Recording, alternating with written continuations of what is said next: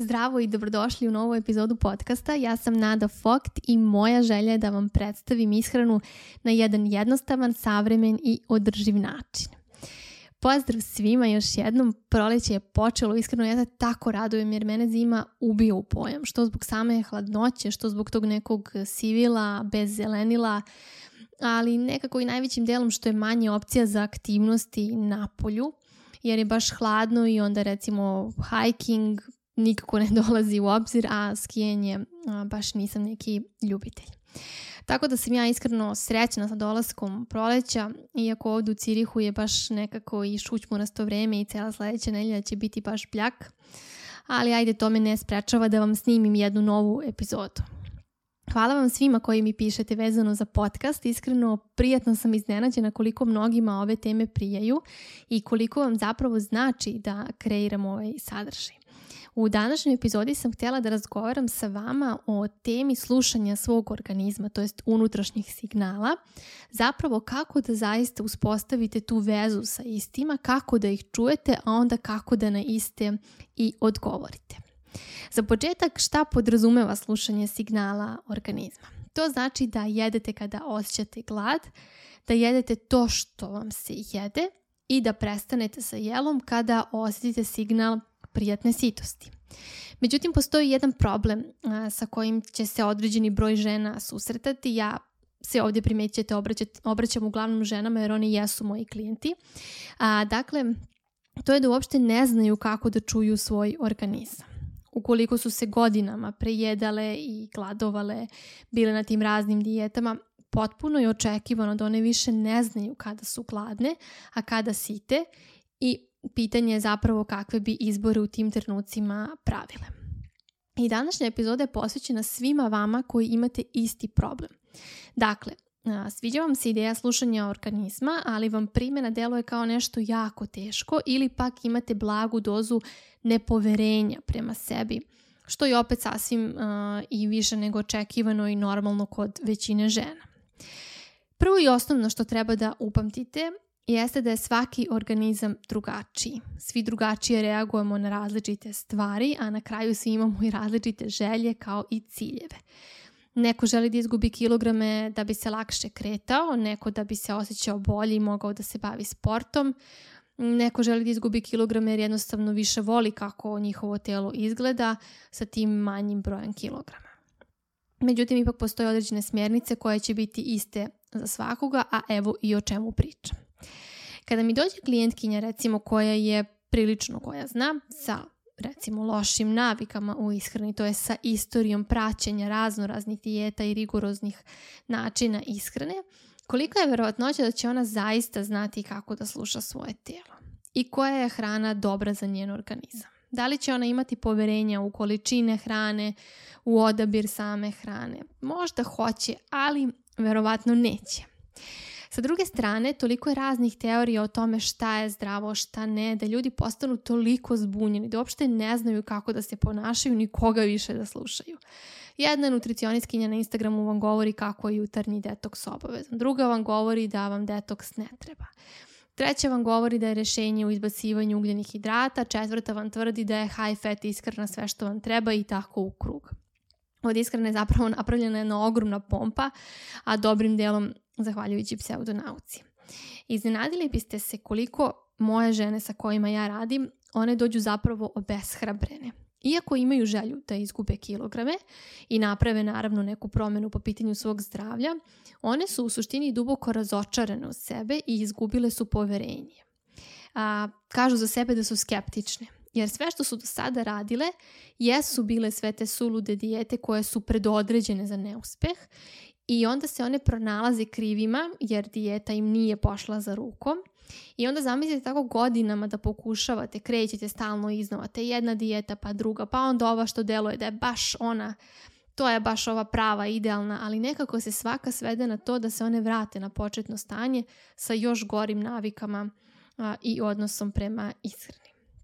I onda je naravno tu prvi, prvi osnovni korak vraćanje neke vere u sebe a kako bi neko ko se doslovno plaši svojih izbora zbog prethodnog iskustva mogao tek tako da nauči da sluša svoj organizam i da pritom nema nikakvu podršku. To je uglavnom jako teško, nekome uspe, ali zaista je vrlo, vrlo teško i izazovno.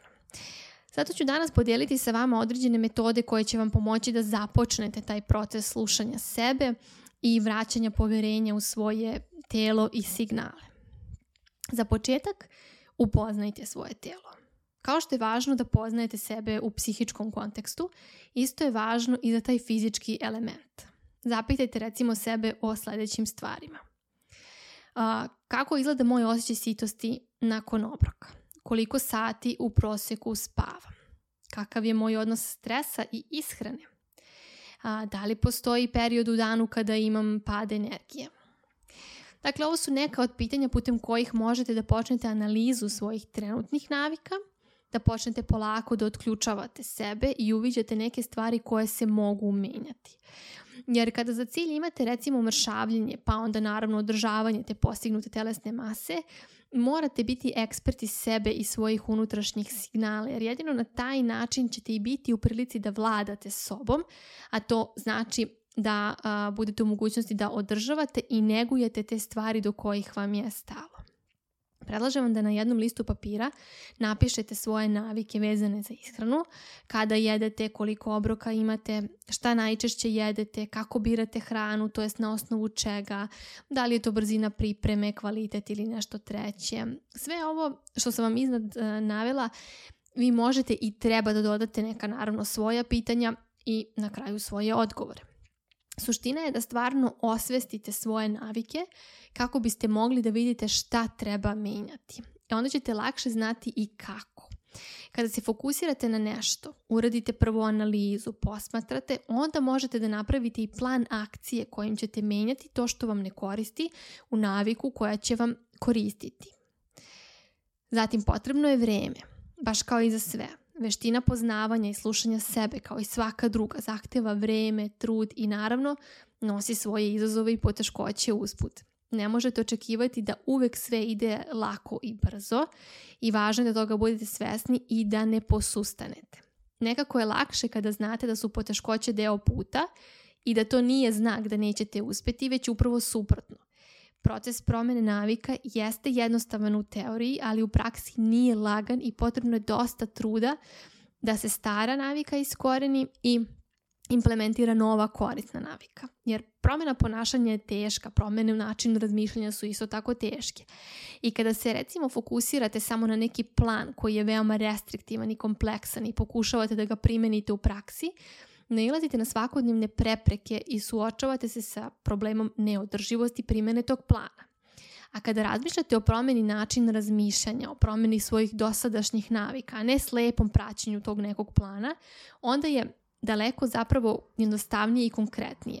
Ali mnogi ljudi doživljavaju da ako nešto nije komplikovano ili mnogo drugačije od onoga što su oni do sada radili, oni onda veruju da to njima neće dati rezultate pa se zato često prepuštaju upravo svim tim radikalnim metodama koje ih samo još više vraćaju unazad. Ja smatram da je važno da razumete da je ljudski mozak dizajniran da kreira navike. Naš mozak nas želi na autopilotu i otprilike 40% našeg ponašanja su zapravo navike. I da biste lakše razumeli, dakle, mozak želi kao i naše telo, oni žele da očuvaju energiju. I onda naš mozak kreira te navike za nas. Tako da ne moramo da trošimo energiju za svaku moguću radnju, to jest odluku u danu. Recimo, ja ujutru kada ustanem, ne moram da razmišljam gde meni stoje šolje za kafu, kašičice i sama kafa da bih istu napravila. Ja jednostavno samo uđem u kuhinju, uzimam kafu, moj mozak zna da je to ono što ujutru radimo. Ovako nešto štedi mnogo vremena i energije, složit ćete se sa mnom. Mozak isto tako ne mari da li je navika dobra ili loša imamo šablon i uglavnom imamo nagrade za svaku od tih navika. Imamo nagradu čak i ako je šablon loše navike u pitanju. Isto tako, imamo duboko usađene navike, recimo, neki ljudi imaju naviku da jedu kada su pod stresom. I onda je za njih zaista teže da se toga oslobode, jer nije stvar u tome a, sledeći put kada si pod stresom samo nemoj da jedeš, već je stvar u tome da se ta duboko usađena navika izbriše, to jest postepeno zameni drugom navikom. I tu je zapravo taj teži deo gdje je potrebno da se borite sa sobom, sa svojim mozgom, da te duboko usađene primitivne navike iskorenite. I onda sama želja da se recimo oslobodite navike jedenja pod dejstvom stresa ne čini da a, brisanje te navike bude lakše, to jest da je, da je manje posla, već vam samo olakšava taj misaoni deo šta treba da, da radite i da vam bude lakše da planirate. I često ljudi imaju osjećaj stida ili krivice zbog nekih svojih navika, a ne treba da bude tako jer je to samo navika koju su svesno ili nesvesno razvili, a dobra stvar je što se i svaka druga navika može isto tako formirati. Kao što smo stvorili navike koje baš i ne volimo i koje nam ne koriste, možemo da stvorimo i one navike koje volimo, koje nam koriste. Zatim dolazimo do dela na hrana i osjećanja imam zadatak za vas, dakle kupite jednu svesku i neka vam služi kao vaš dnevnik ishrane. Svakog dana zapišite šta ste jeli za koji obrok, da li vam je to prijelo, kako ste se osjećali nakon tog obroka. Ili a, kada ste osjetili potrebu za nečim drugim, da dospete još i slično.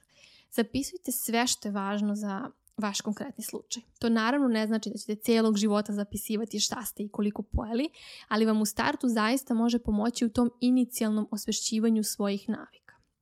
Ova metoda je posebno korisna kod osoba koja se emocionalno prejedanju, prejedaju, jer je hrana tu zapravo posljednja stvar, njoj prethode naravno dešavanja, emocije, misli, navike.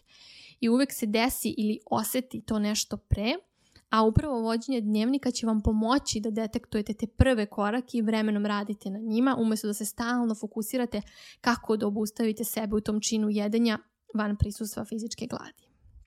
Zatim, beležite koja vam hrana prija.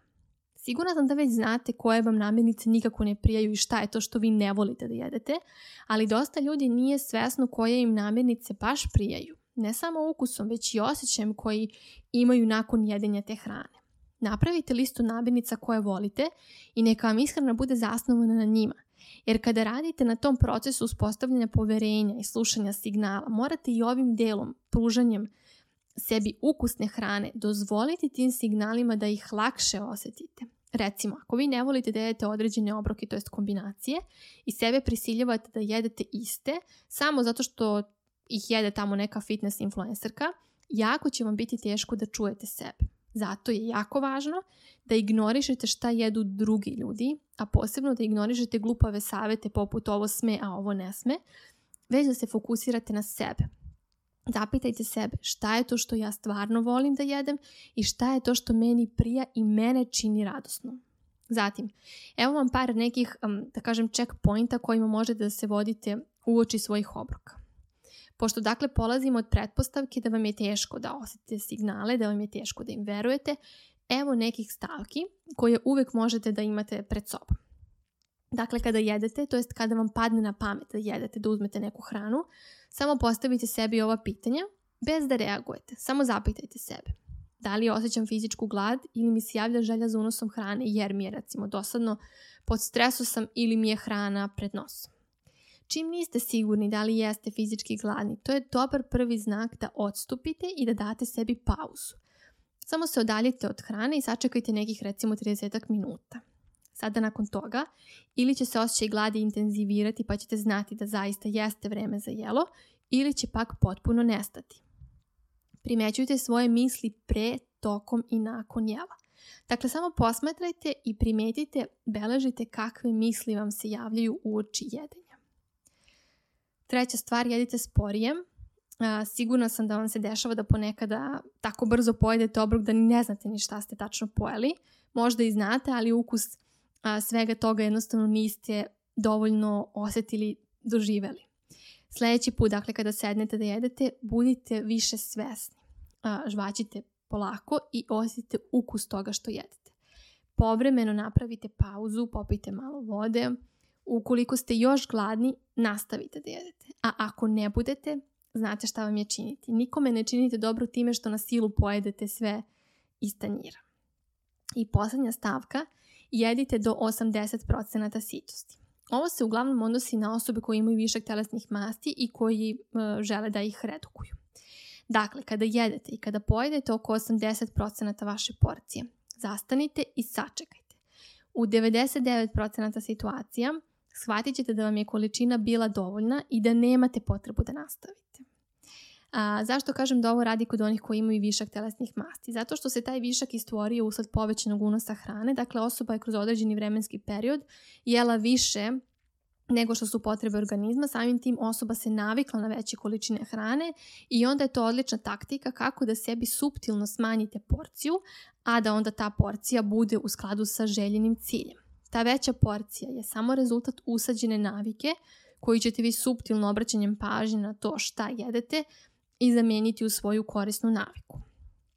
Za sve ostale koji ne žele da redukuju telesne masti, vodite se osjećajem da ako pomislite na završetak obroka, da vam je sasvim lagodna ideja da recimo idete odmah na neku fizičku aktivnost, recimo žustri hod, ne bukvalno neki visoko intenzivni trening, već da nemate pomisao ja očekaj da odmorim posle ovog obroka, već da budete spremni za potpuni nastavak svojih dnevnih obaveza. I mesečni prikaz, dakle jednom mesečno uzmite svoj dnevnik analize navika i napravite reviziju. Šta ste zaključili o svojim navikama, šta o emocijama. Kako se osjećate u kom trenutku? Postoje li neki obrasi koji se ponavljaju? Šta bi vam bilo najkorisnije da menjate? Šta vas najviše koči?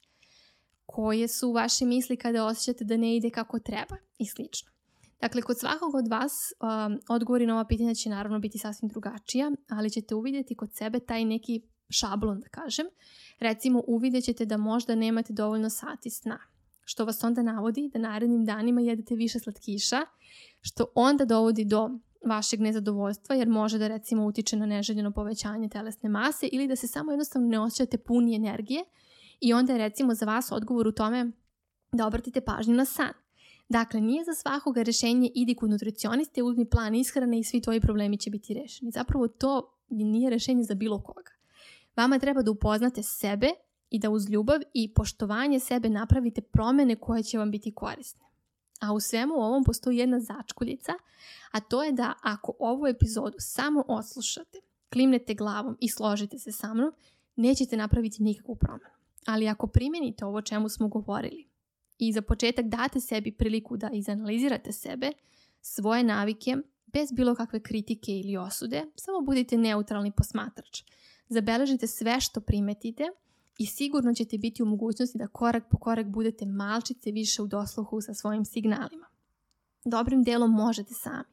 Ako pak osjetite da vam ne ide, niste sigurni ili jednostavno želite da olakšate proces i da vas neko stručan kroz sve to vodi, javite se za saradnju.